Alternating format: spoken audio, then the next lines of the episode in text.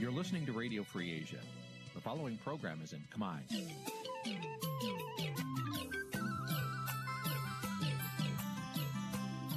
Nǐ chi càm bi tiệp xáy vệt chiu a zì sê ray នេះជាកម្មវិធីផ្សាយរបស់ Vithu Azisari ជាភាសាខ្មែរ វត្តឈូអាស៊ីសេរីសូមស្វាគមន៍លោកអ្នកនាងទាំងអស់ពីរដ្ឋធានី Washington នៃសហរដ្ឋអាមេរិក បាទពីរដ្ឋធានីវ៉ាស៊ីនតោនខ្ញុំបាទសេកបណ្ឌិតសូមជម្រាបសួរអស់លោកអ្នកនាងកញ្ញាទាំងអស់ជាទីមេត្រីបាទយើងខ្ញុំសូមជូនកម្មវិធីផ្សាយសម្រាប់យប់ថ្ងៃសៅរ៍11កើតខែមិញឆ្នាំឆ្លូវត្រីស័កពុទ្ធសករាជ2565បាទត្រូវនឹងថ្ងៃទី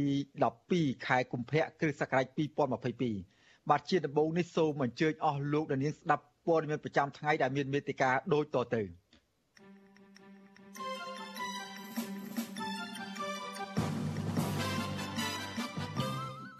ពលរដ្ឋខ្មែរនៅកូរ៉េធ្វើបាតកម្មប្រឆាំងវត្តមានលោកហ៊ុនសែននិងពានរង្វាន់សន្តិភាព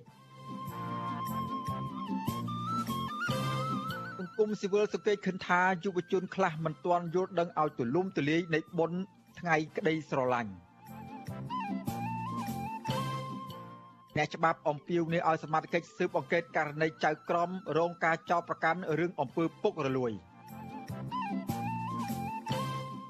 អាញាធរខេត្តសៀមរាបថាស្ទឹងសៀមរាបមានសោភ័ណភាពស្អាតក្រោយពីយុវជនរកឃើញថាមានទឹកកខ្វក់បន្តហូរចូលនៅក្នុងស្ទឹងនោះ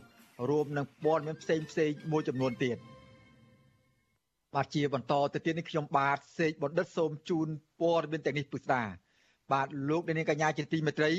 ក្រសួងសុខាភិបាលរកឃើញជំងឺ Covid-19 ចំនួន300ករណីថ្មីទៀតដែលសុទ្ធតែជាមេរោគបំផ្លែងខ្លួនថ្មីអូមីក្រុង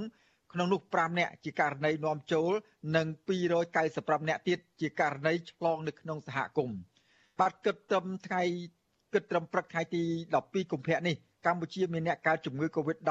ប្រមាណ120,000នាក់ក្នុងនោះអ្នកជាសះស្បើយមានជាង110,000នាក់និងអ្នកស្លាប់មានចំនួន3015នាក់បាទក្រសួងសុខាភិបាលប្រកាសថាគិតត្រឹមថ្ងៃទី11ខែកុម្ភៈម្សិលមិញ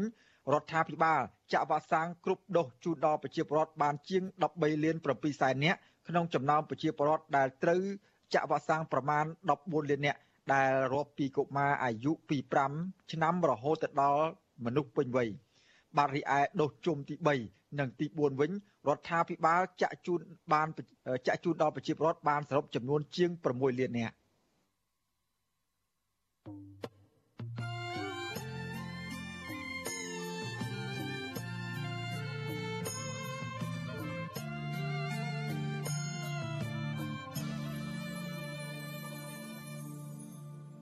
បាទលោកនាងកញ្ញាជាទីមេត្រីឥ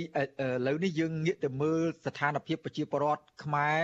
និងពលករនៅឯប្រទេសកូរ៉េខាងត្បូងឯនោះវិញបាទលោកនាយករដ្ឋមន្ត្រីហ៊ុនសែនបានទទួលពានរង្វាន់សន្តិភាពហាក់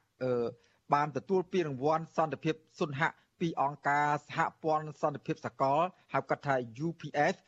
រួចហើយនៅទីក្រុងសេអ៊ូលប្រជាពលរដ្ឋខ្មែររស់នៅប្រទេសកូរ៉េខាងត្បូង មិនពេញចិត្តចំពោះការប្រគល់ពានរង្វាន់នេះទេហើយនាំគ្នាធ្វើបាតកម្មប្រឆាំងលោកហ៊ុនសែនដែលពួកគាត់ចាត់ទុកថាជាមេដឹកនាំផ្ដាច់ការរំលោភសិទ្ធិមនុស្សនិងបំផ្លាញលទ្ធិប្រជាធិបតេយ្យនៅកម្ពុជា បាទសូមស្ដាប់សេចក្តីរាយការណ៍របស់លោកជាតិចំណានជុំវិញបញ្ហានេះលោកហ៊ុនសែនបានទទួលពានរង្វាន់សន្តិភាពសុនហៈរួចហើយក្រុមសម្លេងរិះគន់នឹងការតវ៉ាជំទាស់ពីប្រជាពលរដ្ឋខ្មែររស់នៅក្នុងប្រទេសកូរ៉េខាងត្បូង លោកហ៊ុនសែនថ្លែងក្នុងពិធីទទួលពានរង្វាន់ថាលោកពិតជារំភើបនិងមានកិត្តិយសក្រៃលែងដែលគណៈកម្មាធិការពានរង្វាន់សន្តិភាពសុនហៈទទួលស្គាល់ស្នាដៃរបស់លោកក្នុងការបញ្ចប់សង្គ្រាមស៊ីវិលនិងកសាងសន្តិភាពពេញលេញនៅកម្ពុជាមេដឹកនាំដែលចូលចិត្តប្រើភាសាហិង្សាគំរាមកំហែងនិងតែងតែប្រមានបង្កសង្គ្រាមប្រសិនបើចាញ់ឆ្នោតរូបនេះបន្តថាសន្តិភាពមានតម្លៃជាងអ្វីអ្វីទាំងអស់សន្តិភាពគឺជាអ្វីដែលស្រស់ស្អាតបំផុត សន្តិភាពផ្ដល់នូវក្តីសង្ឃឹមនិងស្នាមញញឹមដល់មនុស្សគ្រប់រូបអតីតកម្មាភិបាលខ្មែរក្រហមរូបនេះបដិញ្ញាចិត្តថាលោកនឹងបន្តការពារនិងលើកស្ទួយសន្តិភាពបន្ថែមទៀតនយោបាយឆ្នេរជ្រៅនេះបានជំរុញឲ្យប្រទេសកម្ពុជាទទួលបាននូវសន្តិភាពពេញលេញនៅក្នុងឆ្នាំ1998គោលនយោបាយឆ្លេត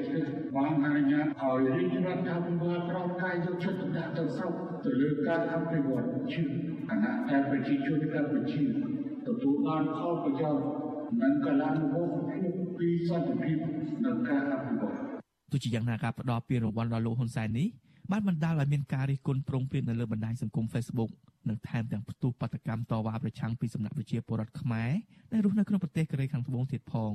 ក្រុមបាតកោប្រមាណ10នាក់បានធ្វើបាតកម្មដុតភ្លើងទៀនជាង1ម៉ោង នៅប្រលប់ថ្ងៃសៅរ៍និងមានការចាក់បញ្ចាំងវីដេអូអំពីអំពើរំលោភសិទ្ធិមនុស្សនៅកម្ពុជា ដែលប្រព្រឹត្តដោយអាជ្ញាធររបស់រដ្ឋាភិបាលលោកហ៊ុនសែន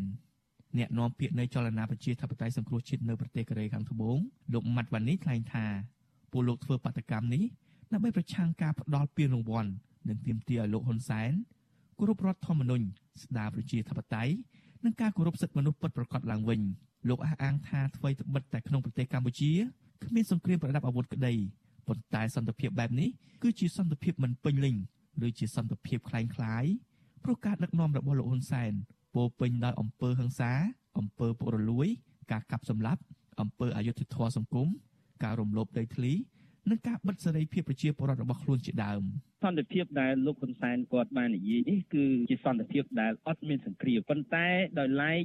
ភាពសុខដុមរមនាសេចក្តីសុខខ្សែខ្សានសេចក្តីសុខផ្លូវចិត្តវាអត់មានដូច្នេះបើយើងធ្វើការប្រៀបធៀបទៅពានរង្វាន់ហ្នឹងគួរតែផ្ដល់ឲ្យលោកគីមចុងអ៊ុនណាពីព្រោះនៅប្រទេសកូរ៉េខាងជើងក៏អត់មានសង្គ្រាមដែរប៉ុន្តែប្រៀបធៀបស្ថានភាពពីរហ្នឹងគឺអត់ខុសគ្នាប្រជាពលរដ្ឋគាត់មានការមិនសប្បាយចិត្តគាត់រងទុក្ខវេទនាការឈឺចាប់ជាពិសេសអ្នកដែលមាននិន្នាការគណៈបកនយោបាយប្រឆាំងផ្ទុយពី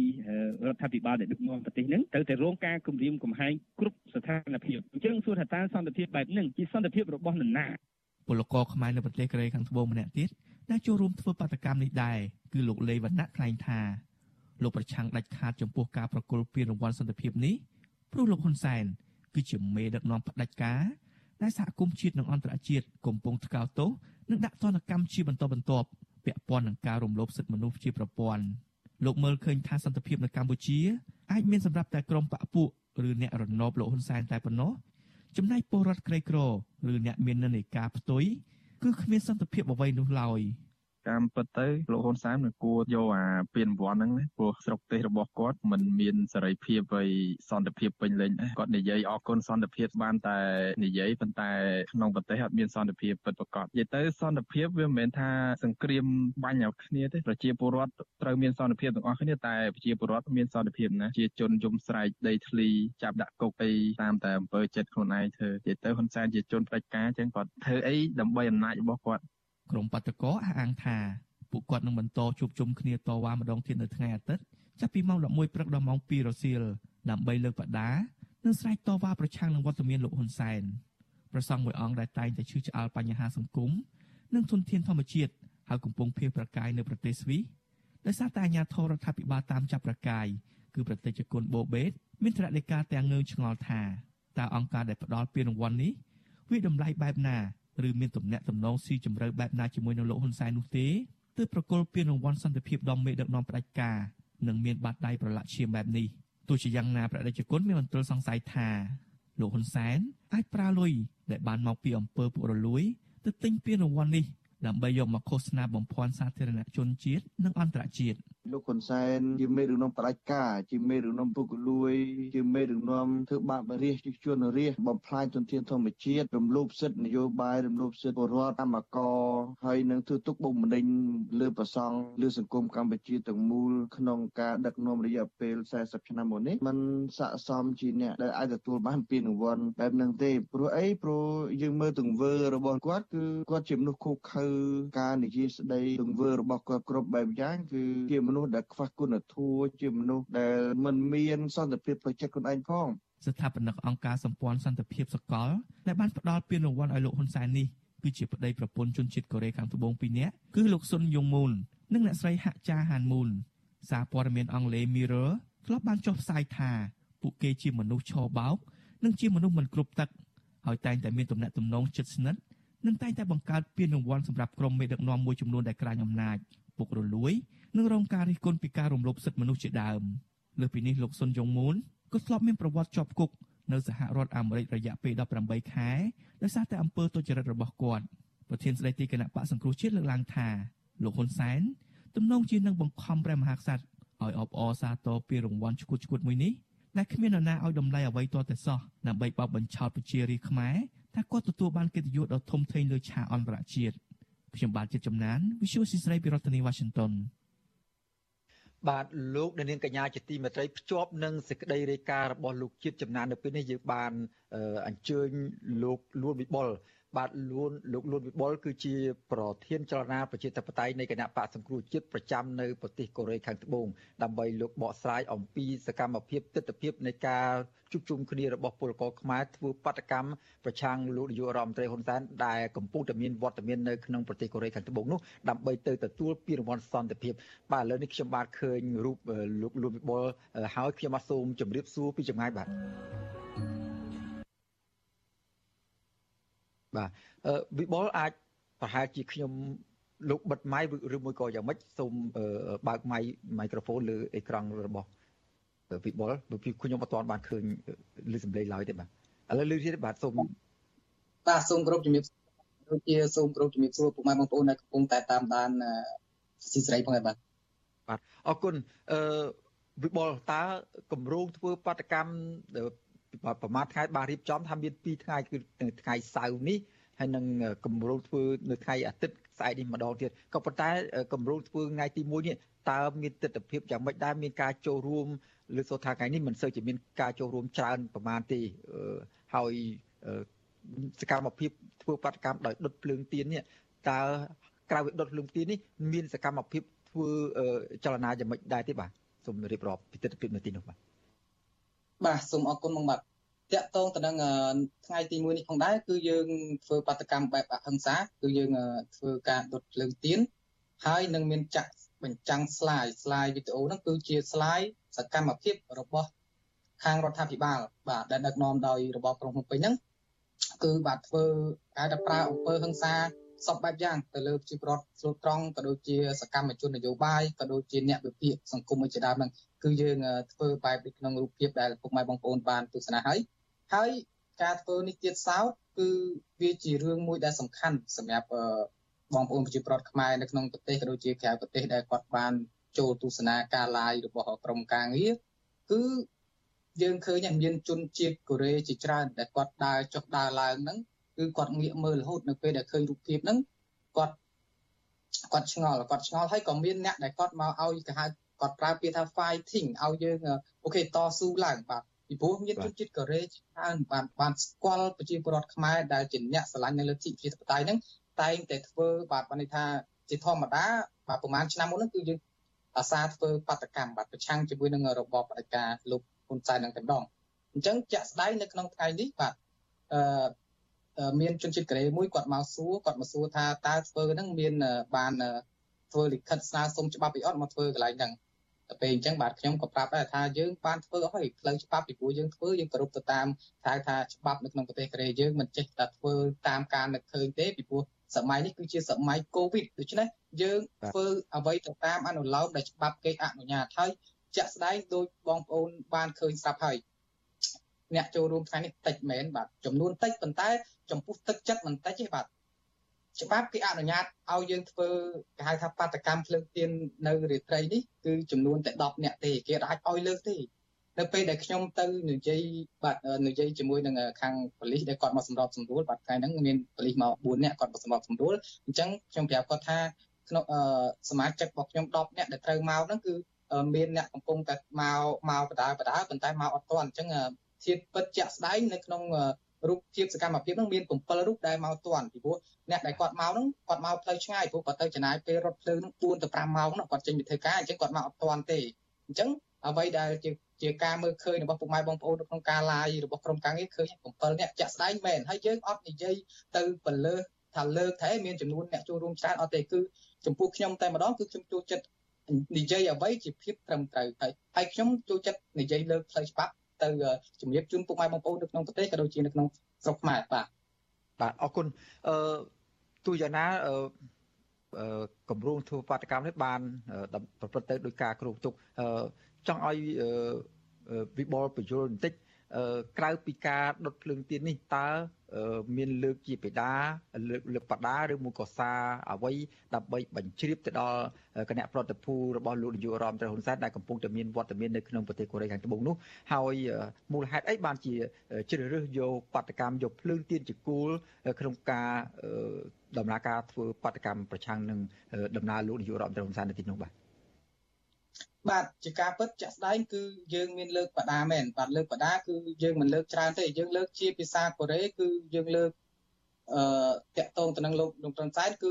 ប្រជាពលរដ្ឋកម្ពុជាមិនត្រូវការជួនផ្ដាច់ការដឹកនាំប្រទេសកម្ពុជាកម្ពុជាពលរដ្ឋកម្ពុជាត្រូវការសន្តិភាពយើងមិនត្រូវការជួនផ្ដាច់ការបានន័យថាយើងឲ្យជួនផ្ដាច់ការហ្នឹងគឺត្រូវតែចុះចេញពីពីតំណែងតែម្ដងហើយមួយវិញទៀតគឺបានយើងបានលើកបដាតាក់ទងទៅនឹងបងប្អូនបាទ កម្មករកម្មការនេះហៅសហជីពបាទ Nagavel បាទដែលមកដល់រយៈថ្ងៃពេលនេះគឺគាត់ជាប់ឃុំនឹង44ថ្ងៃហើយប៉ុន្តែនៅក្នុងរូបភាពដែលពួកយើងលើកគឺដាក់45ថ្ងៃបាទគឺសម្រាប់ថ្ងៃស្អែកបាទណាបាទនៅក្នុងរូបភាពដូចដូចពុកម៉ែបងប្អូនបានឃើញនេះគឺសម្រាប់ថ្ងៃស្អែកអញ្ចឹងថ្ងៃស្អែកគឺគ្រប់45ថ្ងៃហើយ45ថ្ងៃហ្នឹងបានន័យថាអត់ទាន់ឃើញដោះលែងពួកគាត់ទេហើយខ្ញុំបានលើកឡើងជំរាបបងប្អូននៅក្នុង ការឡាយរបស់ក្រុមការងារហ្នឹងគឺយើងស្នើឲ្យរដ្ឋាភិបាលដោះលែងពួកគាត់ក៏ដូចជាបាទអ្នកទោសនយោបាយហើយយើងក៏បាននិយាយរឿងតាក់ទងទៅនឹងការទទួលពានរង្វាន់របស់លោកហ៊ុនសែនដែរព្រោះជាក់ស្ដែងបាទយើងដឹងហើយប្រជាពលរដ្ឋជាក់ស្ដែងយើងមើលខ្លួនយើងបាទមិនមែនតែខ្ញុំចេះតែថាបងប្អូនពីច្រើនខ្ញុំដឹងថាហេតុអីបានជាខាងកូរ៉េបាទផ្ដល់ពានសន្តិភាពទៅឲ្យលោកហ៊ុនសែនព្រោះលោកហ៊ុនសែនគឺជាមេ ដឹកនាំដែលផ្ដាច់ការនៅតំបន់អាស៊ីរបស់យើងដែលគាត់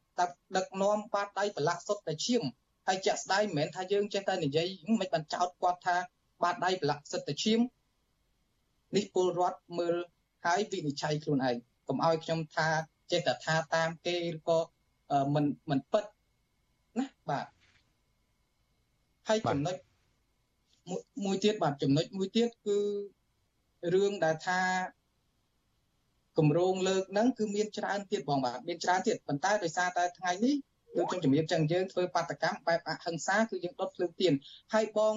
សួរថាហេតុអ្វីបានជាយើងលើកយកភ្លើងទៀននេះមកមកធ្វើនៅរាត្រីនេះ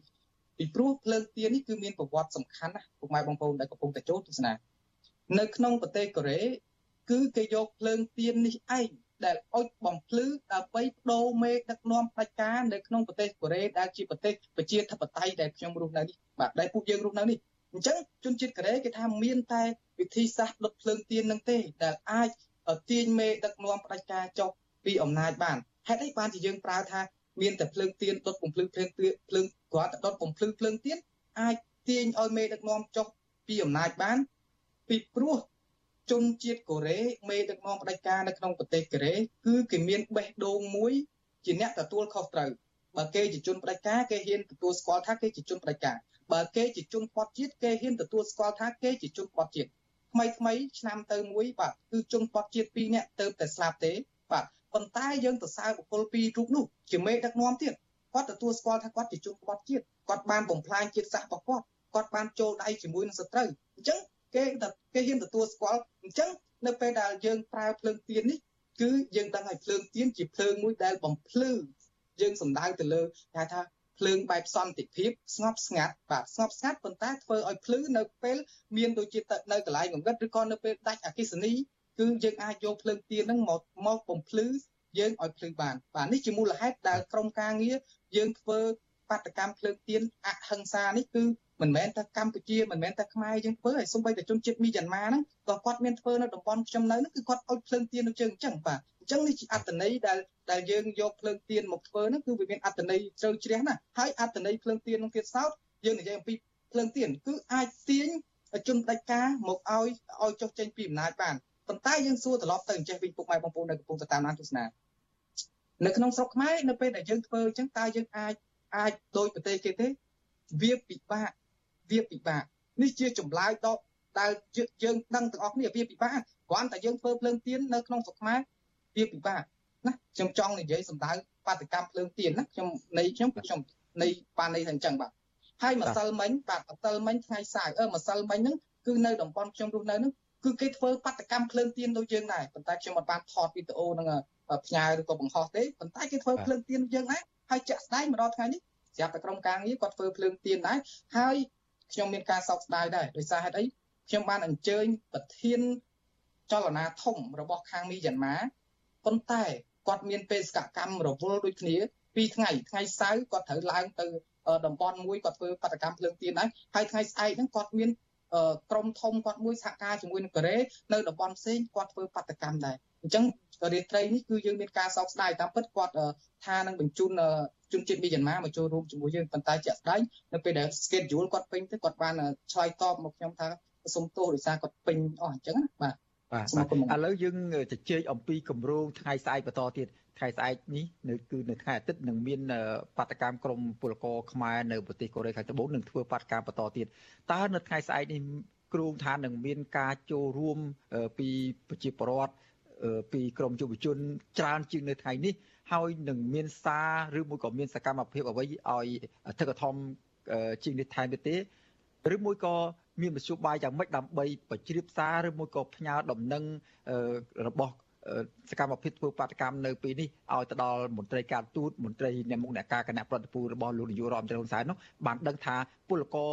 ប្រជាពលរដ្ឋនៅប្រទេសកូរ៉េខាងត្បូងនេះមិនស្វាគមន៍ចំពោះការទទួលបានពានរង្វាន់សន្តិភាពនៅក្នុងប្រទេសកូរ៉េនោះទេបាទសូមជឿ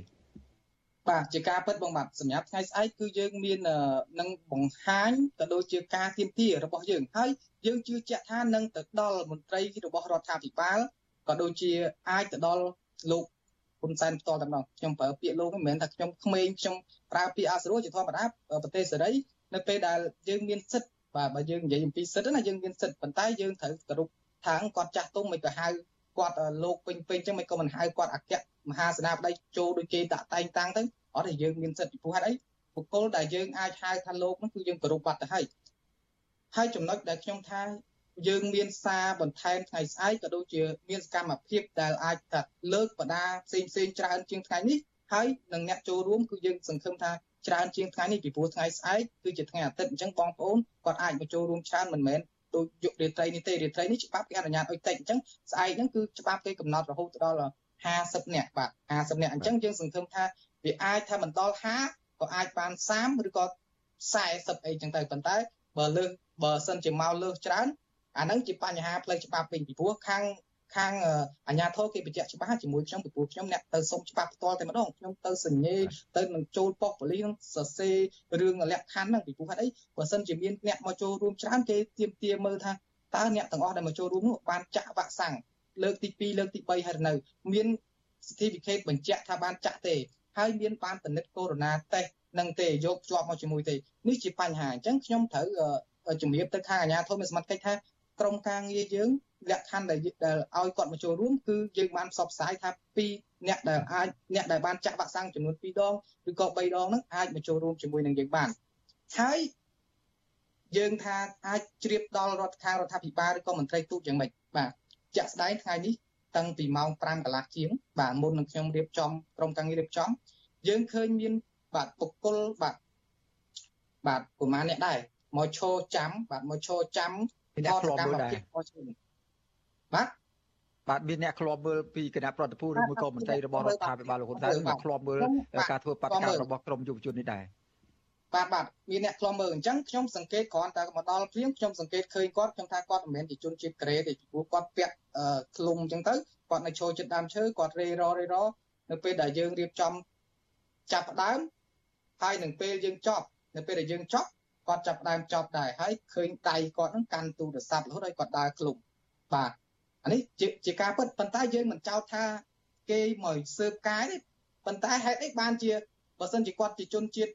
មែនគាត់មិនត្រូវឯណាទៅឈររងាទៅទៅឃ្លាំមើលយើងរហូតដល់ឈប់ដល់ចប់ឈរមកកន្លែងហ្នឹងដែរព្រោះគាត់នៅឈរគៀនតាមឈើហ្នឹងគាត់នៅចុះឡើងប៉ុន្តែខ្ញុំសង្កេតឲ្យខ្ញុំក៏មានក្រុមការងារឃ្លាំមើលដែរថាបុគ្គលម្នាក់នេះប្រហែលជាអាចមកយកសកម្មភាព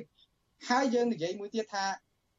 បើជ្រាបទៅខាងមន្ត្រីទូតឬក៏រដ្ឋាភិបាលយ៉ាងម៉េចឲ្យគាត់ដឹង បាទពីព្រោះថ្ងៃនេះក៏មាននាយសង្ហាចូលរួមដែរគាត់បានឡាយហើយគាត់បានឡាយមានមន្ត្រីទូតដែលលេងជាមួយនឹងសង្ហាចូលខមមិនថាអឺសង្ស័យមិនបាន10នាក់ផងអញ្ចឹងសង្ហាក៏តវិញនេះអាត្រង់ពាក្យដែលមន្ត្រីទូតចូលមើលការឡាយការការខមមិនរបស់នាយសង្ហាហ្នឹងបានន័យថាជាជាជាសារមួយជារូបភាពមួយដែលខាងមន្ត្រីទូតនឹងគេដឹងបាត់ទៅហើយបាទនេះអានេះជាអ្វីជាដែលខ្ញុំចង់ជម្រាបណាបងបាទ បាទអរគុណឥឡូវចុងក្រោយលោកមានមួយនាទីលោកមានមួយនាទីដើម្បីមានពេចអ្វីពាក់ព័ន្ធនឹងគម្រោងផែនការធ្វើបដកម្មនៅថ្ងៃអាទិត្យស្អែកនេះបន្តទៀតបាទសូមជឿបាទសូមអរគុណបាទអញ្ចឹងអឺសម្រាប់យើងថ្ងៃស្អែកហ្នឹងគឺយើងរៀបចំហ្នឹងគឺអ្វីដែលយើងចង់ទៀមទាហ្នឹងគឺវាមាន5ចំណុចបាទហើយនៅពេលដែលយើងរៀបចំហ្នឹងថ្ងៃស្អែកហ្នឹងគឺយើងអត់អាចដើរហើយជាក្បួនបានទេពីព្រោះនៅមួយខាងយើងហ្នឹងគឺគេមានបដកម្មដែរ បាទគេមានជនជាតិគេបដកម្មដែរបាទដូចជាក់ស្ដែងថ្ងៃហ្នឹងអញ្ចឹងមួយខាងគឺមាននិស្សិតកូរ៉េគេបដកម្មហើយយើងឃើញឯប៉ូលីសព្រងព្រាតដែលគេមកហ្នឹងអញ្ចឹងយើងមួយខាងគេមួយខាងថ្ងៃស្អែកក៏គេធ្វើអញ្ចឹងអ្វីដែលយើងត្រូវទៀមទានៅថ្ងៃស្អែកហ្នឹងគឺ5ចំណុចទី1គឺទៀមទាឲ្យរដ្ឋាភិបាលដែលដឹកនាំដោយគណៈបកប្រជាជន បាទគឺត្រូវតែគោរពច្បាប់រដ្ឋធម្មនុញ្ញស្ដារលទ្ធិប្រជាធិបតេយ្យបាទគោរពនៅសិទ្ធិមនុស្សបាទ និងស្នើឲ្យដោះលែងអ្នកទោសមនសិការខ្មែរទាំងអស់ជាពិសេសគឺជនណាហៅថាកម្មអ្នកធ្វើការ Nagavel បុគ្គលិក Nagavel បាទទី3បាទទី3ហ្នឹងគឺយើងនឹងនឹងចេញសារជំទាស់នឹងការទទួលពានរង្វាន់សន្តិភាពនេះបាទហើយខ្ញុំក៏បានស្ដាប់ការរាយការណ៍ពីខាងដើមរបស់អាស៊ីសេរីដែរគឺយើងដឹងហើយតើលោកហ៊ុនសែននឹងគាត់គួរទទួលបានពានរង្វាន់នឹងតែឬទេបើនៅប្រទេសខ្លួនឯងនឹងរំលោភសិទ្ធិមនុស្សសពបែបយ៉ាង ដោយសារពេលវេលាខ្លីអញ្ចឹងខ្ញុំសូមជម្រាបតិចពុកម៉ែបងប្អូនជាពិសេសផ្ដាំផ្ញើទៅអ្នកគ្រប់គ្រងគណៈបកប្រជាជននៅពេលដែលចោតប្រជាពលរដ្ឋចោតមន្ត្រីខាងគណៈបកប្រឆាំងថាជាជាក្រុមគេហៅថាបំពល់សង្គមនឹងសូមឲ្យគិតពិចារណា មើលទៅលើមេដឹកនាំរបស់ខ្លួន នៅក្នុងច្បាប់រដ្ឋធម្មនុញ្ញមាត្រា41សិទ្ធិសេរីភាពនៅក្នុងការបញ្ចេញមតិបាទនៅក្នុងស្រុកខ្មែរគឺរដ្ឋបិទអត់មានតលតែសោះ ហើយការចាប់ធ្វើទុកបុកម្នេញរាល់អ្នកនយោបាយមន្ត្រីអង្គការសង្គមស៊ីវិលហ្នឹងគឺចូលគេហៅថាបទប្រព្រឹត្តប្រឆាំងមនុស្សជាតិមេត្រានៅក្នុងក្រមព្រហ្មទណ្ឌមេត្រា188បាទសូមទៅមើលទៅបាទអានេះខ្ញុំនិយាយរឿងផ្លូវច្បាប់បាទហើយដោយសារពេលវេលាខ្លីបាទអញ្ចឹងខ្ញុំសូមប៉ុណ្្នឹងពុកម៉ែបងប្អូនអាចតាមរងចាំតាមដានជាមួយនឹងយើងខ្ញុំនៅថ្ងៃស្អែកបន្តទៀតបាទហើយក៏សូមអរគុណដល់អឺវិទ្យុអស៊ីសេរីដែលបានផ្ដល់ឱកាសឲ្យខ្ញុំបាទចូលរួមនៅក្នុងថ្ងៃនេះផងបាទ បាទអរគុណលោកលួនវិបុលដែលបានចំណាយពេលវេលាចូលរួមផ្ដល់បទសភាផ្ដល់ដំណឹងអំពីការចូលរួមធ្វើបដកម្មប្រឆាំងលោកនាយករដ្ឋមន្ត្រីហ៊ុនសែននៅក្នុងប្រទេសកូរ៉េខាងត្បូងនោះហើយនៅថ្ងៃស្អែកវិទ្យុអស៊ីសេរីក៏នឹងតាមដានសកម្មភាពការធ្វើបាតកម្មនេះបន្តទៀតដែរបាទសូមអរគុណនិងសូមជម្រាបលាតែប៉ុណ្្នេះសិនបាទបាទសូមអរគុណសូមជម្រាប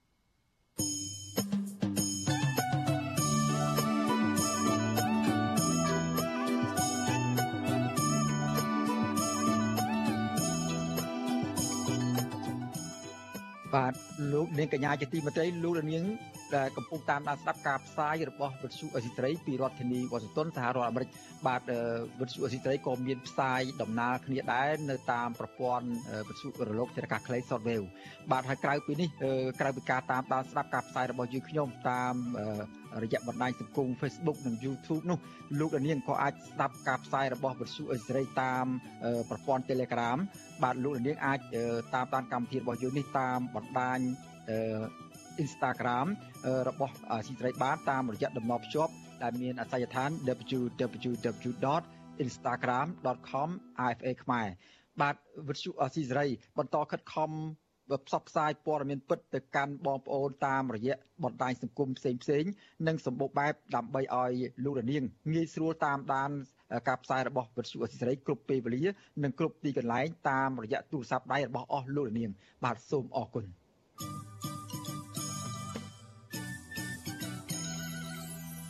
បាទលោកនាងកញ្ញាជាទីមេត្រីឥឡូវនេះយើងមកតាមដានមើលសំណុំរឿងពុករលួយវិញម្ដង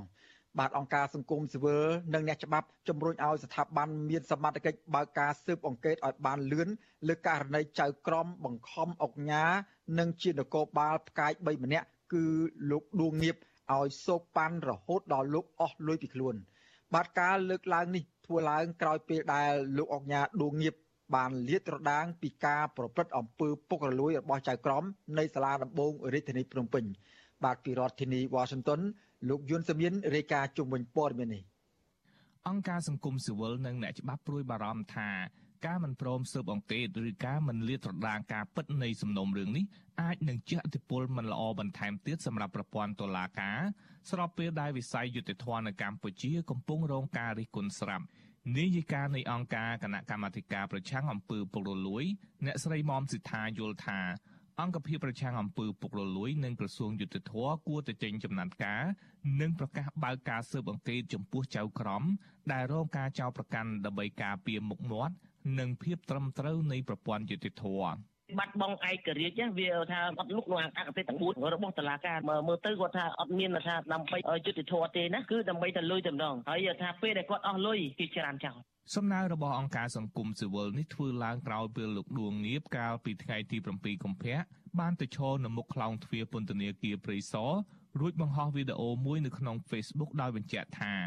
លោកត្រៀមដើរចូលពន្ធនាគារក្រៅពីចៅក្រមនៃសាលាដំបងរាជធានីភ្នំពេញចំនួន2នាក់បានស្រាក់ដៃគ្នាជាប្រព័ន្ធគៀបសង្កត់យកលុយពីលោកអស់ពីខ្លួនរលីងពាក់ព័ន្ធទៅនឹងបទឆោបោកលុយក្នុងសំណុំរឿងកិច្ចព្រមព្រៀងពាណិជ្ជកម្មក្នុងទំហំទឹកប្រាក់ជាច្រើនលានដុល្លារពីជនជាតិតៃវ៉ាន់លោកដួងងៀបអះអាងថាចៅក្រមបានធ្វើសំណុំរឿងរបស់លោកប្រែពីសទៅខ្មៅ ពលគឺពួកគេមានចេតនាចម្រិតយកលុយពីលោកដោយឥតឈប់ឈរក្នុងវីដេអូដដែលនោះលោកដួងងៀបមិនបានបង្ហាញថាលោកត្រូវប្រគល់លុយចំនួនប៉ុន្មានឬត្រូវប្រើវិធីណាដើម្បីប្រគល់លុយទៅឲ្យចៅក្រមណាខ្លះទេប៉ុន្តែលោកដួងងៀបអះអាងថាក្រោយរងការចម្រិតទារប្រាក់នេះលោកធ្លាប់ទៅសុំជំនួយពីមន្ត្រីជាន់ខ្ពស់រដ្ឋាភិបាលដើម្បីឲ្យជួយហើយមន្ត្រីរដ្ឋាភិបាលនោះបានធ្វើលិខិតទៅកាន់ក្រសួងយុតិធធរួចហើយ លោកដួងងារបន្តថាលោកបានទៅជួបប្រធានព្រឹទ្ធសភាលោកសៃឈុំតែមន្ត្រីរូបនេះបានណែនាំលោកឲ្យទៅប្តឹងក្រសួងមហាផ្ទៃដោយផ្ទាល់ប្រពន្ធដដាលបន្តទៀតថានៅឯក្រសួងមហាផ្ទៃរដ្ឋលេខាធិការនិងជាអ្នកនាំពាក្យគឺលោកខៀវសុភ័ក្របានស្នើឲ្យអនុរដ្ឋលេខាធិការនិងជាអតីតប្រធានគណៈមេធាវីលោកប៊ុនហ៊ុនជួយតាក់ទងទៅតុលាការរាជធានីភ្នំពេញវិញនគរបាលផ្កាយ3រូបនេះបន្តថា នៅពេលចូលដល់ក្នុងនីតិវិធីតុលាការចៅក្រមទី1បានគៀបសង្កត់យកលុយលោកអស់ជាច្រើនបន្ទាប់មកលោកបានប្តឹងប្តូរចៅក្រមថ្មីប៉ុន្តែចៅក្រមទី2បែរជារួមគ្នាជាមួយចៅក្រមទី1ចង់ចាប់លោកដាក់ពន្ធនាគារក្រោយលោកអស់លុយពីខ្លួនជុំវិញករណីនេះវិទ្យុអាស៊ីសេរីមិនអាចសុំការបញ្ជាក់ពីប្រធានអង្គភិបប្រឆាំងអំពើពុករលួយ លោកអោមយិនទៀងនិងអ្នកនាំពាក្យក្រសួងយុទ្ធភ័ពលោកចិនម៉ាលីនបានទេនៅថ្ងៃទី12កុម្ភៈ ទោះជាយ៉ាងណាលោកចិនម៉ាលីនប្រាប់សារព័ត៌មានក្នុងស្រុកថាក្រសួងយុទ្ធភ័ពបានទទួលពាក្យបណ្ដឹងពីលោកដួងងៀមហើយនិងកំពុងពិនិត្យមើលតាមនីតិវិធីវិទ្យុអាស៊ីសេរីក៏មិនអាចសុំការបញ្ជាក់បន្ថែមពីលោកដួងងៀបបានដែរនៅថ្ងៃដដែលតែក្រោយពេលលោកដួងងៀបបានលាតត្រដាងករណីនេះអ្នកនាំពាក្យសាលាដំបងរាជធានីភ្នំពេញកាលពីថ្ងៃទី11កុម្ភៈបានប្រកាសចំណាត់ការបន្តនីតិវិធីសំណុំរឿងលោកដួងងៀប និងបានចេញសេចក្តីប្រកាសព័ត៌មានចោទថាមន្ត្រីនគរបាលផ្កាយ3មានចេតនាគេចវេះពីការទទួលខុសត្រូវផ្លូវច្បាប់ប្រពន្ធដដាលបន្តថាសំណុំរឿងនេះលោកដួងងារពាក់ព័ន្ធនឹងករណីលក់ដីមួយកន្លែងក្នុងតម្លៃជាង7លានដុល្លារសំណុំរឿងនេះចៅក្រមស៊ើបសួរបានតម្រូវឲ្យលោកដាក់តម្កល់ប្រាក់ធានាខ្លួនចំនួនជាង5លានដុល្លារដើម្បីរួចផុតពីកាតព្វកិច្ចនៅក្នុងឃុំបណ្ដោះអាសន្ន ពាក់ព័ន្ធទៅនឹងករណីនេះមេធាវីការិយាល័យក្រមអ្នកច្បាប់និងទីប្រឹក្សាអមរិតលោកសុកសំអឿនបញ្ជាក់ថាទោះបីគ្មានបណ្ដឹងក៏ដោយតែជាកាតព្វកិច្ចអង្គភាពប្រឆាំងអំពើពុករលួយត្រូវតែបើកការស៊ើបអង្កេតរកភាពមិនប្រក្រតីចំណែកសំណុំរឿងឯកជនរបស់លោកដួងងៀបគឺខាងតឡាការអាចបន្តដំណើរការរឿងក្តីជាធម្មតាបើអត់ស៊ើបអង្កេតអង្កេតតាមមូលហេតុអីបានអត់ជើចាបើអត់មានមូលហេតុមាន ACU អត់ធ្វើការដោយត្រឹមត្រូវ របាយការណ៍របស់អង្គការគម្រោងយុតិធធម៌ពិភពលោក World Justice Project បានចេញផ្សាយកាលពីខែតុលាឆ្នាំ2021បានវិតម្លៃថាវិស័យយុតិធធម៌របស់កម្ពុជា មានភាពអាក្រក់ស្ថិតនៅក្នុងចំណាត់ថ្នាក់បាតតារាង លេខរៀងទី138ក្នុងចំណោមប្រទេស139ប្រទេសចំណែកអង្គការដំឡាភិបយុតិធម៌ Transparency International កាលពីខែមករាក៏បានចេញផ្សាយរបាយការណ៍មួយរកឃើញថាពេញមួយឆ្នាំឆ្នាំ2021កម្ពុជាមានអំពើពុករលួយខ្លាំងជាងគេប្រចាំនៅតំបន់អាស៊ីអាគ្នេយ៍គឺពុករលួយខ្លាំងជាងរបបកុម្មុយនីសវៀតណាម និងរបបសឹកនៅភូមាទៅទៀតខ្ញុំយុនសាមៀនវិទ្យុអាស៊ីសេរីប្រធានាធិបតី Washington បាទលោកនាងកញ្ញាជាទីមេត្រីពាក់ព័ន្ធនឹងការប្រារព្ធពិធីបុណ្យនៃក្តីស្រឡាញ់ឬហៅថា Valentine's Day វិញ បានខិតជិតចូលមកដល់ហើយ បាទអ្នកធ្វើការងារតាក់ទងនឹងថ្ងៃទី14កុម្ភៈនិងយុវជន លើកឡើងថាយុវជនសពថ្ងៃមានការយល់ដឹងច្រើនអំពីអត្តន័យនៃថ្ងៃបុណ្យក្តីស្រឡាញ់14កុម្ភៈបាទទោះយ៉ាងណា ពួកគេនៅតែជំរុញឲ្យរដ្ឋាភិបាល ស្ថាប័នពាក់ព័ន្ធមានការផ្សព្វផ្សាយបន្ថែមទៀត កុំឲ្យយុវជនចាត់ទុកថ្ងៃ14កុម្ភៈឬថ្ងៃបុណ្យនៃក្តីស្រឡាញ់នោះថាជាថ្ងៃគឺជាថ្ងៃក្តីស្រឡាញ់របស់គូសង្សារបាទពីរដ្ឋធានីវ៉ាស៊ីនតោនអ្នកស្រីខែសុនងរាយការណ៍ជុំវិញព័ត៌មាននេះទោះតិចឬច្រើននៅពេលដល់ថ្ងៃ14កុម្ភៈម្ដងម្ដងយុវជនមួយចំនួនបានជូនផ្កាឲ្យគ្នាជូនកាដូគ្នាជូនពរគ្នាទៅវិញទៅមក ព្រមទាំងចំណាយពេលដើរកំសាន្តជាមួយគូស្នេហ៍និងមិត្តភ័ក្តិដើម្បីបង្ហាញក្តីស្រឡាញ់ប្រធានសមាគមបណ្ដាញយុវជនកម្ពុជាហៅកាត់ថា CYN លោកអុលវ៉ាន់សង្កេតឃើញថានៅមានយុវជនមួយចំនួនមិនទាន់យល់ដឹងទូលំទូលាយនៅអត្ថន័យនៃថ្ងៃក្តីស្រឡាញ់14កុម្ភៈនៅឡើយទេលោកថាក្តីស្រឡាញ់មិនមែនសម្រាប់តែដៃគូសង្សារនោះឡើយប៉ុន្តែសម្រាប់ក្រុមគ្រួសារឪពុកម្ដាយគ្រូបង្រៀននិងសង្គមជាតិ ហើយក៏មិនមែនមានតែមួយថ្ងៃគឺថ្ងៃ14កុម្ភៈនោះដែរយុវជនរូបនេះជំរុញឲ្យស្ថាប័នពាក់ព័ន្ធពិសេសក្រសួងអប់រំ គួរតែមានការផ្សព្វផ្សាយអប់រំឬកំណត់យកថ្ងៃ14កុម្ភៈជាថ្ងៃប្រឡងវិញ។ហើយដោយសារតែសកម្មភាពនៃការធ្វើភ្លើងជួលធ្វើភ្លើងជួលជ្រើមក្នុងការប្រារព្ធថ្ងៃ14កុម្ភៈរវាងយុវវ័យហ្នឹងសំដៅតែទៅលើការសម្ដែងនៃសេចក្តីស្រឡាញ់ចំពោះដៃគូជាសង្សារឬក៏ជាស្នេហារវាងគ្នានឹងគ្នាធ្វើឲ្យអាណាព្យាបាលក៏ដូចជាអ្នកពាក់ព័ន្ធហ្នឹងមានការព្រួយបារម្ភចំពោះការប្រព្រឹត្តឬក៏ការធ្វើនៅទង្វើខុសឆ្គងមួយចំនួនដែលធ្វើឲ្យប៉ះពាល់ទៅដល់ពួកគាត់ដែលជាយុវជនវ័យក្មេងហ្នឹងបាទស្រដៀងគ្នានេះដែរអ្នកស្រាវជ្រាវអំពីថ្ងៃ14កុម្ភៈលោកតុងសុប្រាជឲ្យវិទ្យុអាស៊ីសេរីដឹងថាការស្រាវជ្រាវរបស់លោក នៅរយៈពេលចុងក្រោយនេះយុវជនមានការកែប្រែអរិយាប័ត្រច្រើន លោករំលឹកថាកាលពី15ឆ្នាំមុនយុវជនភៀកច្រើន បានហៅថ្ងៃ14កុម្ភៈថាជាថ្ងៃបុណ្យសង្សារនិងបានបូជាខ្លួនប្រាណទៅឲ្យដៃគូសង្សាររបស់ពួកគេនៅក្នុងថ្ងៃនោះ ប៉ុន្តែមកដល់ពេលនេះមានយុវជនត្រឹមតែ5%ប៉ុណ្ណោះដែលនៅគិតដូច្នេះមានការថយចុះគាត់ហាក់បីដូចជាចាស់ទុំជាងមុនគាត់ហាក់បីដូចយល់ដឹងបានច្រើននៅការប្រព្រឹត្តរបស់ពួកគាត់ហាក់ដូចជាមិនឈូឆរបង្ហាញដោយការពី10ជាងឆ្នាំមុនណាចង់ថាយើងអាចនិយាយថា15ឆ្នាំមុនបាទឃើញខុសគ្នាស្រឡះហ្នឹងហើយឃើញអ្វីដែលយើងអង្កេតឃើញបាទ លោកតុងសុប្រាជលើកឡើងទៀតថាមូលហេតុដែលធ្វើឲ្យយុវជនមានការផ្លាស់ប្តូរអេរយាប័តនេះព្រោះមានការចូលរួមពីអ្នកពាក់ព័ន្ធរួមមានរដ្ឋាភិបាល អ្នកស្រាវជ្រាវប្រព័ន្ធផ្សព្វផ្សាយក្រុមគ្រួសារនិងការរិះគន់តាមបណ្ដាញសង្គមជាដើមទោះជាបែបនេះក្តីអ្នកស្រាវជ្រាវរូបនេះនៅតែរំលឹកយុវជនមួយចំនួនតូចដែលមានបំណងជួបគូស្នេហ៍ ក្នុងថ្ងៃ14កុម្ភៈនេះក្នុងពេលជំងឺ Covid-19 កំពុងរាតត្បាតដោយសប្តាហ៍ថ្ងៃនេះថាជាហានិភ័យនៃការឆ្លងរាលដាលជំងឺ Covid-19 ត្រូវតែប្រុងប្រយ័ត្នយុវវ័យគាត់បើឆ្លោះឆ្លួយមួយគឺគាត់គាត់ជួបគ្នាអត់បានរួមទេក៏គាត់អាចឆ្លងអូមីក្រុងដែរណាដែល Covid ដែរអញ្ចឹងកន្លែងហ្នឹងត្រូវទៅប្រយ័ត្នទាំងមួយ step ទី2ហ្នឹងចំណុចចំណុចទី2ហ្នឹងគឺតើតើនឹងការរួមភេទបើគាត់ជ្រួលជ្រួសជាការរួមក្នុងការរួមភេទគាត់ត្រូវតែប្រើប្រាស់ស្រោមអនាម័យដើម្បីបង្ការការពារ ជុំវិញបញ្ហានេះវត្តឈូអេស៊ីសេរីមិនអាចសុំការថាធិប្បាយពីអ្នកនាំពាក្យក្រសួងអប់រំយុវជននិងកីឡាលោករស់សុវិចានិងអ្នកនាំពាក្យរដ្ឋាភិបាលលោកផៃស៊ីផានបានឡើយទេ នៅថ្ងៃទី12ខែកុម្ភៈទោះយ៉ាងណា នៅរយៈពេលចុងក្រោយនេះក្រសួងអប់រំតែងតែចេញសេចក្តីណែនាំតាក់ទងថ្ងៃ14កុម្ភៈឬក៏កំណត់ដាក់ថ្ងៃប្រឡងចំថ្ងៃ14កុម្ភៈជាដើមថ្ងៃ14កុម្ភៈ បានកត់ត្រាក្នុងឯកសារខ្លះថា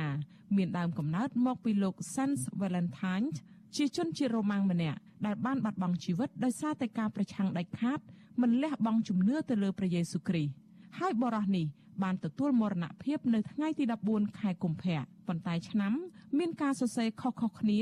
ខ្លះថាឆ្នាំ296ខ្លះថាឆ្នាំ270និងខ្លះទៀតថាឆ្នាំ273ជាដើម ដោយសារហេតុផលនេះហើយទើបថ្ងៃទី14កុម្ភៈត្រូវបានគេកំណត់យក ថាជាទិវា Valentine's Day ឬក៏ថ្ងៃនៃក្តីស្រឡាញ់វប្បធម៌របស់ប្រទេសលោកខាងលិចនេះបានចូលមកដល់សង្គមខ្មែរជិត20ឆ្នាំមកហើយនៅកម្ពុជាដំបូងឡើយថ្ងៃ14កុម្ភៈនេះគេហៅថាជាថ្ងៃបុណ្យសង្សារក្រោយមកបដូរទៅជាទិវានៃក្តីស្រឡាញ់និងចុងក្រោយ គេហៅថាជាថ្ងៃនៃក្តីស្រឡាញ់វិញ ចា៎នាងខ្ញុំខែសុណងវិទ្យុអាស៊ីសេរីរាយការណ៍ពីរដ្ឋធានី Washington បាទលោកដានីកញ្ញាជាទីមេត្រីបុណ្យនៃក្តីស្រឡាញ់ឬហៅថា Valentine's Day នេះមកទោះបីជាមិនមែនជាវប្បធម៌របស់ប្រជាពលរដ្ឋខ្មែរឬមួយក៏មិនមែនជាវប្បធម៌នៅក្នុងតំបន់អាស៊ីក៏ដោយចុះក៏ប៉ុន្តែប្រទេសនៅក្នុងតំបន់អាស៊ី ឬមួយក៏នៅក្នុងប្រទេសកម្ពុជាផ្ទាល់តែម្ដងមើលទៅហាក់បីដូចជាមានក្តីរំភើបមានក្តីសប្បាយរីករាយនិងចូលរួមអបអរសាទរបុណ្យនៃក្តីស្រឡាញ់មួយនេះទោះបីជាមិនមែនជាវប្បធម៌របស់ខ្លួនក៏ដោយចុះឥឡូវនេះយើងចង់ដឹងថាតើស្ថានភាពចាប់អារម្មណ៍និងចូលរួមប្រារព្ធទទួលយកវប្បធម៌ពីបរទេសពីអឺរ៉ុបបែបនេះជាច្រើនឆ្នាំមកហើយនោះស្ថានភាពនេះវានឹងវិវត្តទៅយ៉ាងណារហូតមកដល់ពេលនេះបាទនៅពេលនេះយើងបានអញ្ជើញលោកតុងសុប្រាជ្ញ បាទលោកតុងសុប្រាជ្ញគឺជាអ្នកសិក្សាស្រាវជ្រាវផ្នែកសុខភាពសាធារណៈហើយលោកក៏បានសិក្សានិងអង្កេតមើលអំពីការប្រារព្ធពិធីបុណ្យក្តីស្រឡាញ់នេះដែរតើតើលោកបកស្រាយមើលឃើញទស្សនវិជ្ជាយ៉ាងម៉េចចំពោះបុណ្យនេះនៅក្នុងបព្វធម៌នឹងចូលមកនៅក្នុងការរស់នៅនិងការប្រារព្ធនៅក្នុងប្រទេសកម្ពុជាសប្តាហ៍នេះឥឡូវខ្ញុំបាទឃើញរូបលោកតង់សប្រាយហើយខ្ញុំបាទសូមជម្រាបសួរលោកពីចម្ងាយបាទបាទជំរាបសួរលោកសុជាតិ បាទខ្ញុំបាទសេកបណ្ឌិតបាទអូលោកបណ្ឌិតអធិស្ឋានបាទអរគុណមិនអីទេឥឡូវដូចខ្ញុំដូចសេចក្តីរាយការណ៍របស់អ្នកស្រីខែសំណងអញ្ចឹងមានលោកសប្រាយក៏បានមានប្រសាសន៍ដែរថាពិធីបុណ្យក្តីស្រឡាញ់ឬពីដើមពីមុនមកយុវជនខ្មែរតែងតែយល់ថាជាបុណ្យថ្ងៃជាបុណ្យសង្សារនោះ ហើយក៏មាននៅមតិមួយចំនួនក៏មានការសង្កេតឃើញថាមានយុវជនមួយចំនួននោះនៅមិនទាន់ជ្រួលជ្រាបឬក៏យល់ពីអត្តន័យពិតនៃបុណ្យនៃក្តីស្រឡាញ់នេះឡើយទេចំពោះលោកតុងសប្រាជពេញតាមការអង្កេតប្រមាណថ្ងៃមួយនេះហើយនឹងក្តីរំពឹងចំពោះថ្ងៃ14កុម្ភៈមកដល់ខាងមុខនេះស្ថានភាពការយល់ដឹងការប្រារព្ធសកម្មភាពផ្សេងផ្សេងមានភាពជំជឿរំជួលឬមួយក៏អធិកធម ឬមួយក៏យ៉ាងណាទេនៅបរិបទដែលប្រទេសកម្ពុជា កំពុងមានជំងឺ Covid-19 ផងនេះបាទបាទអឺបើតាមសង្កេតអឺ តាំងពីកូវីដចូលមកតាំងពីឆ្នាំ2000 2020 2020 2021មកដល់បច្ចុប្បន្ននេះគឺហាក់បីដូចជាស៊ីគ្នាទៅនឹងការសិក្សាស្រាវជ្រាវដែលខ្ញុំបានរកឃើញនៅឆ្នាំ2019ហើយនិន្នាការដោយលោកស្រីកែសំណងបានលើកបាញ់អញ្ចឹងគឺមានការធ្លាក់ចុះជាងពាក់កណ្ដាលហើយការចូលរួមលក្ខណៈឈូឆរហ្នឹងគឺ ហាក់បីដូចមានភាពស្ងប់ស្ងាត់ហើយយុវវ័យហាក់បីដូចជាមានភាពចាស់ទុំច្រើនជាងមុនទទួលបានព័ត៌មានច្រើនគ្រប់ជ្រុងជ្រោយក៏ប៉ុន្តែអ្វីដែលវាជាហានិភ័យដែលយើងគិតថាអាចយុវវ័យនៅក្មេងជួនកាលអាចគាត់មិនទាន់បានទទួលនៅព័ត៌មានហ្នឹងគឺ អាចជ្រួជ្រោះនៅថ្ងៃហ្នឹងដោយឆក់ល្វែងណាមួយនៅពេលដែលគាត់អត់បានទទួលព័ត៌មានអានឹងជាចំណុចដែលយើងគិតថាវាជានៅតែជាហានិភ័យហើយអ្វីដែលសំខាន់នោះទៀតគឺការដែលយើងដល់ព័ត៌មានតផ្សព្វផ្សាយតទៅគ្នាគាត់ជ្រាបគាត់ទទួលបានហើយហើយអ្វីដែលសំខាន់គឺដូចយើងមានន័យថាយើងមានន័យថាយើងយើង ឥឡូវនេះកំពុងតែមានរឿងពីរដែលយើងត្រូវតែគិតហើយយើងត្រូវពិចារណាដោះស្រាយពីដំណាក់គ្នារឿងកូវីដនៃការឆ្លងអូមីក្រុងហើយរាជរដ្ឋាភិបាលក៏បានមានការផ្ដល់ព័ត៌មានមានន័យថាប្រមានពីការជួបជុំគ្នាដែលអាចងាយឆ្លងសម្រាប់យុវវ័យនៅថ្ងៃនៃក្តីស្រឡាញ់ហ្នឹងក៏ ក៏ជាផ្នែកមួយនៃនៃការប្រមានរបស់រាជរដ្ឋាភិបាលដែរអញ្ចឹងក្នុងករណីហ្នឹងទីមានពីរចំណុចដែលយើងត្រូវតែគិតទី1តកតងជាមួយនឹងអូមីក្រុងហ្នឹងជំងឺដែលងាយនឹងឆ្លងនៅផ្សិនបើគាត់ជួបគ្នាអឺដែលចៃដន្យណាមួយគឺជាឱកាសគាត់គិតថាអាចរួមភេទនឹងជាចំណុចទី2ដែលគឺអាចឈាននឹងការឆ្លងមេរោគអេដឬមួយក៏ជំងឺឆ្លងតាមផ្លូវភេទឬមួយក៏ ការបង្កពោះដោយចៃដន្យណាមួយអញ្ចឹងចំណុចទាំងអស់ហ្នឹងគឺអ្វីដែលជាការព្រួយបារម្ភបើទោះបីជាទិន្នន័យយើងឃើញថាការធ្លាក់ចុះអេរយៈរយៈបត់មានការផ្លាស់ប្ដូរក៏ប៉ុន្តែក្នុងនាមយើងជាអ្នកស្រាវជ្រាវក្នុងនាមយើងជាអ្នកអប់រំសុខភាពសាធារណៈយើងនៅតែ បង្ហាញនៅគោលជំហរក្នុងការផ្សព្វផ្សាយឲ្យមានភាពទូលំទូលាយដើម្បីកុំឲ្យមានការផ្លាំងផ្លាត់ទោះបីចំណុចម្នាក់ឬមួយក៏ពីរនាក់ឬមួយក៏មួយចំនួនតូចក៏ដោយក៏វាជាវិបដិសេរីរបស់គាត់នៅពេលដែលគាត់បានប្រព្រឹត្តហើយមិនត្រូវបានសង្គមគេផ្ដល់អំឡ័យឲ្យទៀតអញ្ចឹងវាទៅដាក់សម្ពាធទៅលើខាងគាត់អឺបើប្រៀបធៀបជាមួយនឹងថៃថៃគេនៅតែចែកស្រោមអនាម័យ ដល់រាប់លានហ្នឹងហើយព័ត៌មានថ្មីថ្មីគឺរាប់រៀងជារៀងរាល់ឆ្នាំថៃគេធ្វើអញ្ចឹងហើយក៏ប៉ុន្តែខ្ញុំបានទៅប្រទេសថៃកាលពីឆ្នាំ2018ខ្ញុំក៏បានទៅសង្កេតឃើញថាប្រទេសថៃក៏មាននិន្នាការធ្លាក់ចុះដូចស្រុកខ្មែរយើងដែរដោយសារយើងវាមានឥទ្ធិពលទៅវិញទៅមករវាងប្រទេសជិតខាងយើងណាអញ្ចឹងបញ្ហាហ្នឹងគឺយើងក៏ធ្លាក់ចុះខាងគេក៏ធ្លាក់ចុះដែរបាទ បាទធ្លាក់ចុះនេះធ្លាក់ចុះនៃការមិនសូវជាចាប់អារម្មណ៍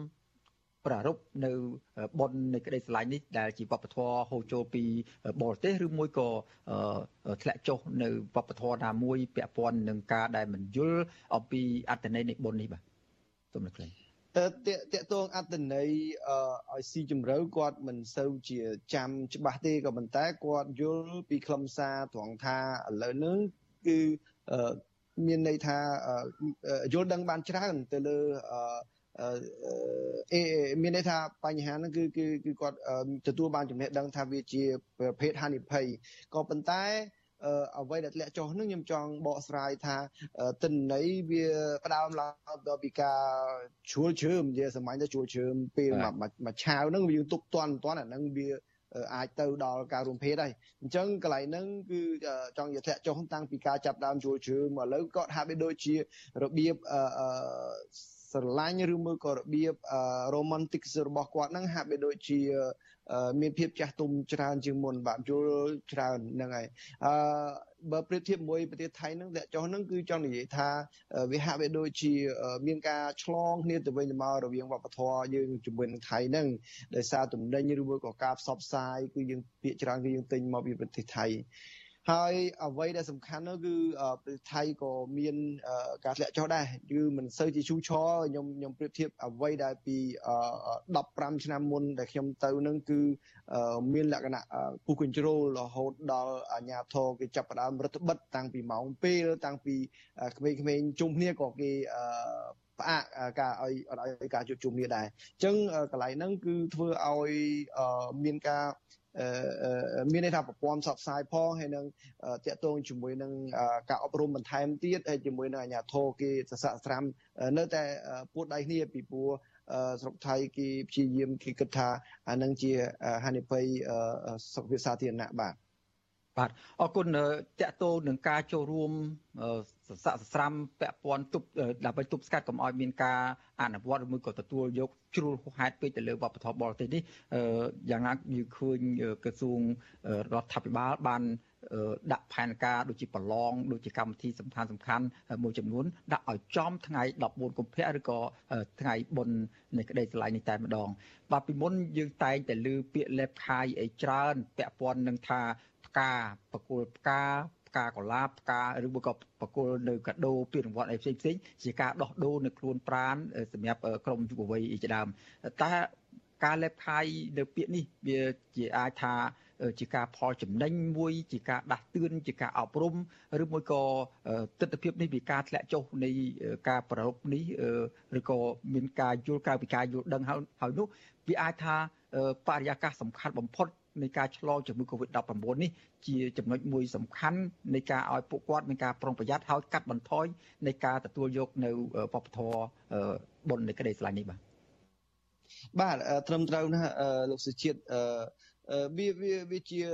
វាមានតំណាក់តំណងគ្នាជាមួយនឹងការដែលចូលរួមដូចជាការប្រព្រឹត្តនឹងហាក់បីដូចជាបើសិនជាគាត់មិនស្គាល់គ្នាចិត្តដិត ឬមួយក៏គាត់មិនធ្លាប់ដើរទៅណាជាមួយគ្នាពិបាកក្នុងការតំណែងគ្នាដោយសារកូវីដហ្នឹងអញ្ចឹងវាបញ្ហាកូវីដវាអាចចូលរួមចំណែកទប់ស្កាត់នៅភាពជូរឆររបស់យុវវ័យមួយផ្នែកធំដែរបើយើងសម្ាញ់ទៅយើងមើលទៅតាមយើងវិភាគទៅលើស្ថានភាពហើយនឹងវិភាគទៅលើការអនុវត្តជាក់ស្ដែងនិងភាពឆ្លងនៃជំងឺ Covid ហ្នឹងអឺអ្វីដែលសំខាន់លោកសុជាតិបានលើកហ្នឹងខ្ញុំតែងតែធ្វើការតាមដានជាប់ជានិច្ចដែលក្រសួងអប់រំជាពិសេសដំរដ្ឋមន្ត្រីគាត់តែងតែចេញនៅអសេចក្តីណែនាំក៏ដូចជាការបញ្យលបន្ថែមឲ្យតាមសាលាហ្នឹងមានន័យថាទប់ស្កាត់ឬមកក៏ពង្រឹងនៅវិន័យនៅក្នុងសាលាហើយជាពិសេសហ្នឹងគឺគាត់ដាក់វិញ្ញាសាប្រឡងនៅពេលហ្នឹងមែន ប៉ុន្តែនៅក្នុងក្នុងសាលាយើងអាចបកស្រាយបានថាជាការទទួលខុសត្រូវរបស់សាលាប៉ុន្តែនៅពេលដែលគាត់ផុតពីសាលានៅពេលចេញពីសាលាហ្នឹងជាទូរនីតិរបស់ពុកម្ដាយតើពុកម្ដាយគាត់ទៅធ្វើអីខ្លះអញ្ចឹងកន្លែងហ្នឹងគឺយើងត្រូវតែមានទំនាក់ទំនងគ្នារវាងសាលាហើយនឹងអញ្ញាធរដែនដីហើយនឹងពុកម្ដាយដែលមានទំនាក់ទំនងគ្នាអញ្ចឹងចំណុចកន្លែងហ្នឹងគឺ មេដាបេដាឥឡូវហ្នឹងទូរស័ព្ទកូនសិស្សឥឡូវមានគ្រប់ដៃហើយអញ្ចឹងគួរណាស់តែមានព្យាយាមតាមដានកូនទៅដល់ទីណាកន្លែងណាហើយ យើងត្រូវតែប្រុងប្រយ័ត្នពីព្រោះដូចយើងបានលើកមកហើយអញ្ចឹងបបិសោតយើងធ្លាប់មានហើយគាត់មានលក្ខណៈចង់និយាយថាវាមានវិបត្តិសេរី នៅពេលដែលគាត់ចូលរួមរួមភេទនៅថ្ងៃនៃក្តីស្រឡាញ់អានឹងដែលយើងសិក្សាស្រាវជ្រាវតាមគេហៅថា secondary data បានមកពីអង្គការ Maristoff ដែលគេធ្វើកិច្ចការងារតាក់ទងជាមួយនឹងការរំលូតកូនដោយសវត្ថភាពអញ្ចឹងការសិក្សា ករណីដល់ករណីហ្នឹងគេរកឃើញថាយុវវ័យដែលគាត់មានបញ្ហា តាក់ទងជាមួយនឹងនៅថ្ងៃដែលស្រឡាញ់គាត់រួមភេទហើយគាត់បានពពោះគាត់ក៏រកកន្លែងដែលមិនបានសុវត្ថិភាពក៏ Maristos គាត់ជួយដើម្បីឲ្យមានសុវត្ថិភាពថែមអញ្ចឹងជាករណីសិក្សាមួយប៉ុន្តែគេមិនបញ្ចេញឈ្មោះទេប៉ុន្តែវាជាផ្នែកករណីសិក្សាមួយដែលភ្ជាប់មានន័យថាភ្ជាប់ទៅនឹងការសិក្សារបស់ខ្ញុំបែបលក្ខណៈសង្គមនឹងគឺយើងមានការស៊ីសង្វាក់នឹងគ្នារវាងអ្នកសិក្សាសង្គមហើយនិងអ្នក សិក្សាស្រាវជ្រាវទៅលើ clinic ដែលការអនុវត្តជាក់ស្ដែងគេរកឃើញថាមានតំណែងគ្នាហើយខ្ញុំក៏បានទទួលយកនឹងការបកស្រាយរបស់អង្គការ Maristof ដែលគាត់ចេញមកដែរបាទ បាទអរគុណលោកសប្រាជលោកសប្រាជនៅតែហៅឈ្មោះខ្ញុំច្រឡំប្រហែលជាលោកសប្រាជមានមិត្តភ័ក្តិចិត្តស្និទ្ធឈ្មោះសុជាតិហើយខ្ញុំបាទសេចបណ្ឌិតប្រហែលជាមិនសូវបានវិភាគជាមួយសប្រាជញឹកញាប់អាចឆ្លិចឈ្មោះគ្នាអរគុណតែបរិយានិយាយជាចុងក្រោយនេះបាទខ្ញុំចង់ផ្ដោតទៅលើបញ្ហាមួយថាបបធរអ្វីមួយដែលហូរចូលមកហើយតែងតែមាន គុណសម្បត្តិនិងគុណប្រយោជន៍របស់វាគុណវិបត្តិចង់បានខ្លីពីលោកសម្រាប់ថាតើគួរតែមានការអប់រំយ៉ាងម៉េចហើយឲ្យមានការយល់ឃើញយ៉ាងម៉េចដើម្បីឲ្យបុណ្យនៃក្តីស្រឡាញ់នេះក្លាយទៅជាបុណ្យមួយដែលមានប្រយោជន៍សម្រាប់សង្គមទូទៅបាទសូមលោកខ្លីបាទ អឺកន្លែងចំណុចកន្លែងហ្នឹងហ្នឹងហើយវប្បធម៌យើងទទួលអធិពលខ្ញុំគិតថាយើងយកមកគេយើងបកស្រាយអត់ត្រូវរបស់គេហ្នឹងណាដោយលោកកែសំណងបានលើកអញ្ចឹងអឺរបស់គេគ្រាន់បង្ហាញតែក្តីស្រឡាញ់ហើយគេបង្ហាញភាពស្មោះត្រង់ជាមួយនឹងដៃគូសង្សាររបស់គេអញ្ចឹងណាប៉ុន្តែយើងយកមកបកស្រាយមកយកមកប្រព្រឹត្តមកអនុវត្តគឺខុសអញ្ចឹងចំណុចកន្លែងហ្នឹងគឺយើងត្រូវតែមានន័យថាបង្វែរទិសទៅមិនឲ្យវាទៅជា វិជ្ជមានទៅវិញដើម្បីឲ្យគាត់មានក្តីស្រឡាញ់នៅរវាងឪពុកម្ដាយក៏ដូចកូនក៏ដូចមិត្តភ័ក្តិទាំងអស់នេះគិតថាថ្ងៃហ្នឹងគឺជាថ្ងៃបង្ហាញពីក្តីស្រឡាញ់មនុស្សលោកទូទៅបាទសូមអរគុណបាទសូមអរគុណនិងជម្រាបលាបាទលោកសុប្រាយដែលបានចំណាយពេលផ្ដល់បទសភាជាមួយនឹងវិទ្យុអស៊ីសេរីសម្រាប់ប្រទេសនេះបាទជម្រាបលាលោកសេបណ្ឌិតបាទបាទជម្រាបលាបាទ បាទលោកនាងកញ្ញាជាទីមេត្រីអតីតសកម្មជនចលនាមេដាធម្មជាតិដែលទើបចេញពីពន្ធនាគារលោកថរដ្ឋាបានបង្ហោះវីដេអូលើកទី1នៅលើបណ្ដាញសង្គម Facebook របស់ខ្លួនដោយបង្ហាញពីទីតាំងលូបង្ហូរទឹកកខ្វក់មានផ្ទុកដោយកាកសំណល់ស្អុយរលួយហូរចូលទៅក្នុងស្ទឹងសៀមរាបដោយមិនឆ្លងកាត់ចម្រោះដោយបានត្រឹមត្រូវបាទលោកថនរដ្ឋាថាការបង្ហោះវីដេអូនេះគឺដើម្បីស្នើដល់ឲ្យអាជ្ញាធរយកចិត្តទុកដាក់ដោះស្រាយបញ្ហានេះ ប៉ុន្តែអាជ្ញាធរក្រុងសៀមរាបថាការលើកឡើងនោះជាការភ័ន្តច្រឡំព្រោះស្ថានភាពស្ទឹងសៀមរាបបច្ចុប្បន្នមានសភនភាពស្អាតមិនមានការសំណល់បង្ហូរទឹកកខ្វក់ចូលទៅក្នុងស្ទឹងនោះឡើយបាទពីរដ្ឋធានី Washington អ្នកស្រីម៉ៅសុធានីរាយការណ៍ជុំវិញព័ត៌មាននេះអតីតសកម្មជនចលនាមេដាធម្មជាតិម្នាក់ដែលទៅចេញពីពន្ធនាគារនិងជាប់បំរាមរបស់តុលាការផងនោះ បានចេញផ្សាយវីដេអូថ្មីជាលើកទី1ដោយបង្ហោះលើទំព័រ Facebook ផ្ទាល់ខ្លួន កាលពីថ្ងៃទី11ខែកុម្ភៈបង្ហាញទីតាំងលូបង្ហូរទឹកកខ្វក់ជាច្រើនកន្លែងដែលហូរចូលដងតឹងសៀមរាបហើយលោកសង្ស័យថាទឹកកខ្វក់ដែលមានចាស់ក្លិនស្អុយចេញពីបំពង់លូផ្ទុកទៅដោយកាកសំណល់រលួយនោះ គឺมันបានឆ្លងកាត់ប្រព័ន្ធចម្រោះនោះទេ ក្នុងវីដេអូមានរយៈពេល73នាទីរបស់យុវជនស្រឡាញ់បរិស្ថានរូបនេះបន្តថាទឹកកខ្វក់ទាំងនោះ គឺហូរចេញពីមន្ទីរពេទ្យផ្សារសន្តាគារផ្ទះសំណាក់ភោជនីយដ្ឋាននិងផ្ទះប្រជាពលរដ្ឋហើយគណៈដែលលោករកឃើញថាអាងចម្រោះទឹកនៅក្រុងសៀមរាបមួយកន្លែងដែលមានទំហំ12ហិកតាចំណាយលុយអស់14លានដុល្លារហើយបានដាក់ឲ្យប្រើប្រាស់កាលពីឆ្នាំ2010បានក្លាយជាអាងចិញ្ចឹមត្រីទៅវិញ។ លោកធនរដ្ឋាបារម្ភថាទឹកស្អុយដែលបង្ហូរចូលស្ទឹងទេសចរប្រវត្តិសាស្ត្រនេះហើយបន្តហូរចូលបឹងទន្លេសាបដែលមិនបានចម្រោះត្រឹមត្រូវនឹងធ្វើឲ្យប៉ះពាល់មុខមាត់កម្ពុជានិងបំផ្លាញជីវៈចម្រុះនៅក្នុងទឹកនៅជាមួយគ្នានេះទឹកដែលត្រូវបានប្រើប្រាស់ដើម្បីស្រោចដំណាំដាំបន្លែចិញ្ចឹមត្រី ហើយនិងនេសាទក៏នឹងប៉ះពាល់ធ្ងន់ធ្ងរដល់សុខភាពសាធារណៈផងដែរ។ ចាយុវជនរូបនេះបញ្ជាក់ថាក្នុងនាមជាយុវជនស្រឡាញ់សន្តិភាព និងស្រឡាញ់បរិស្ថានស្អាតលោកចង់ឃើញទឹកស្ទឹងសៀមរាប មានទឹកថ្លាតាក់ទាញភ្ញៀវទេសចរដោយមិនមែនជាស្ទឹងទឹកលូនោះទេដូច្នេះលោកក៏ស្នើដល់អាជ្ញាធរពិនិត្យដោះស្រាយបញ្ហានេះ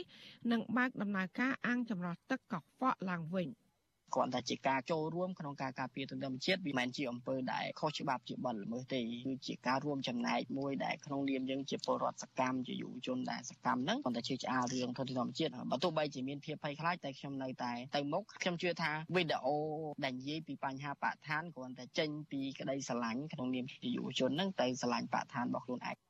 ចាននៅទន្ទឹមគ្នានេះដែរអាជីវករម្នាក់នៅក្រុងសៀមរាបលោកញឹមសុកងាប្រពន្ធស៊ីស្រីនៅថ្ងៃទី12ខែកុម្ភៈថាសភនភាពតាមស្ទឹងសៀមរាបមិនបានជួយតាក់ទាញភ្ញៀវទេសចរជាតិនិងអន្តរជាតិអស់ជាច្រើនឆ្នាំមកហើយដោយសារតែខ្វះការយកចិត្តទុកដាក់ពីអាជ្ញាធរពាក់ព័ន្ធ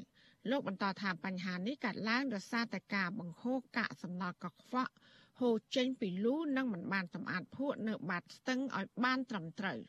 ទឹកនឹងអត់បានសម្អាតបានត្រឹមត្រូវមែនទឹកនឹងគឺមានទី1ហូរទឹកអ៊ុយចូលទី2មានកាកសំណល់ផ្សេងផ្សេងជាច្រើនទី3នៅបាតស្ទឹងហ្នឹងគឺវាមានជាមួយនឹងភក់អត់ស្អាតច្រើនអញ្ចឹងនិយាយចំទៅគឺស្ទឹងសៀមរាបហ្នឹងគឺអត់ទាន់បានសម្អាតឲ្យស្អាតទេវាប៉ះពាល់គ្នាទេសចរមែនខ្ញុំរស់នៅសៀមរាបខ្ញុំស្នើសុំអាជ្ញាធរគួរតែមានទេវតា ឆ្លើយតបរឿងនេះអភិបាលក្រុងសៀមរាបលោកនួនពុទ្ធិរាប្រពន្ធអសីសេរី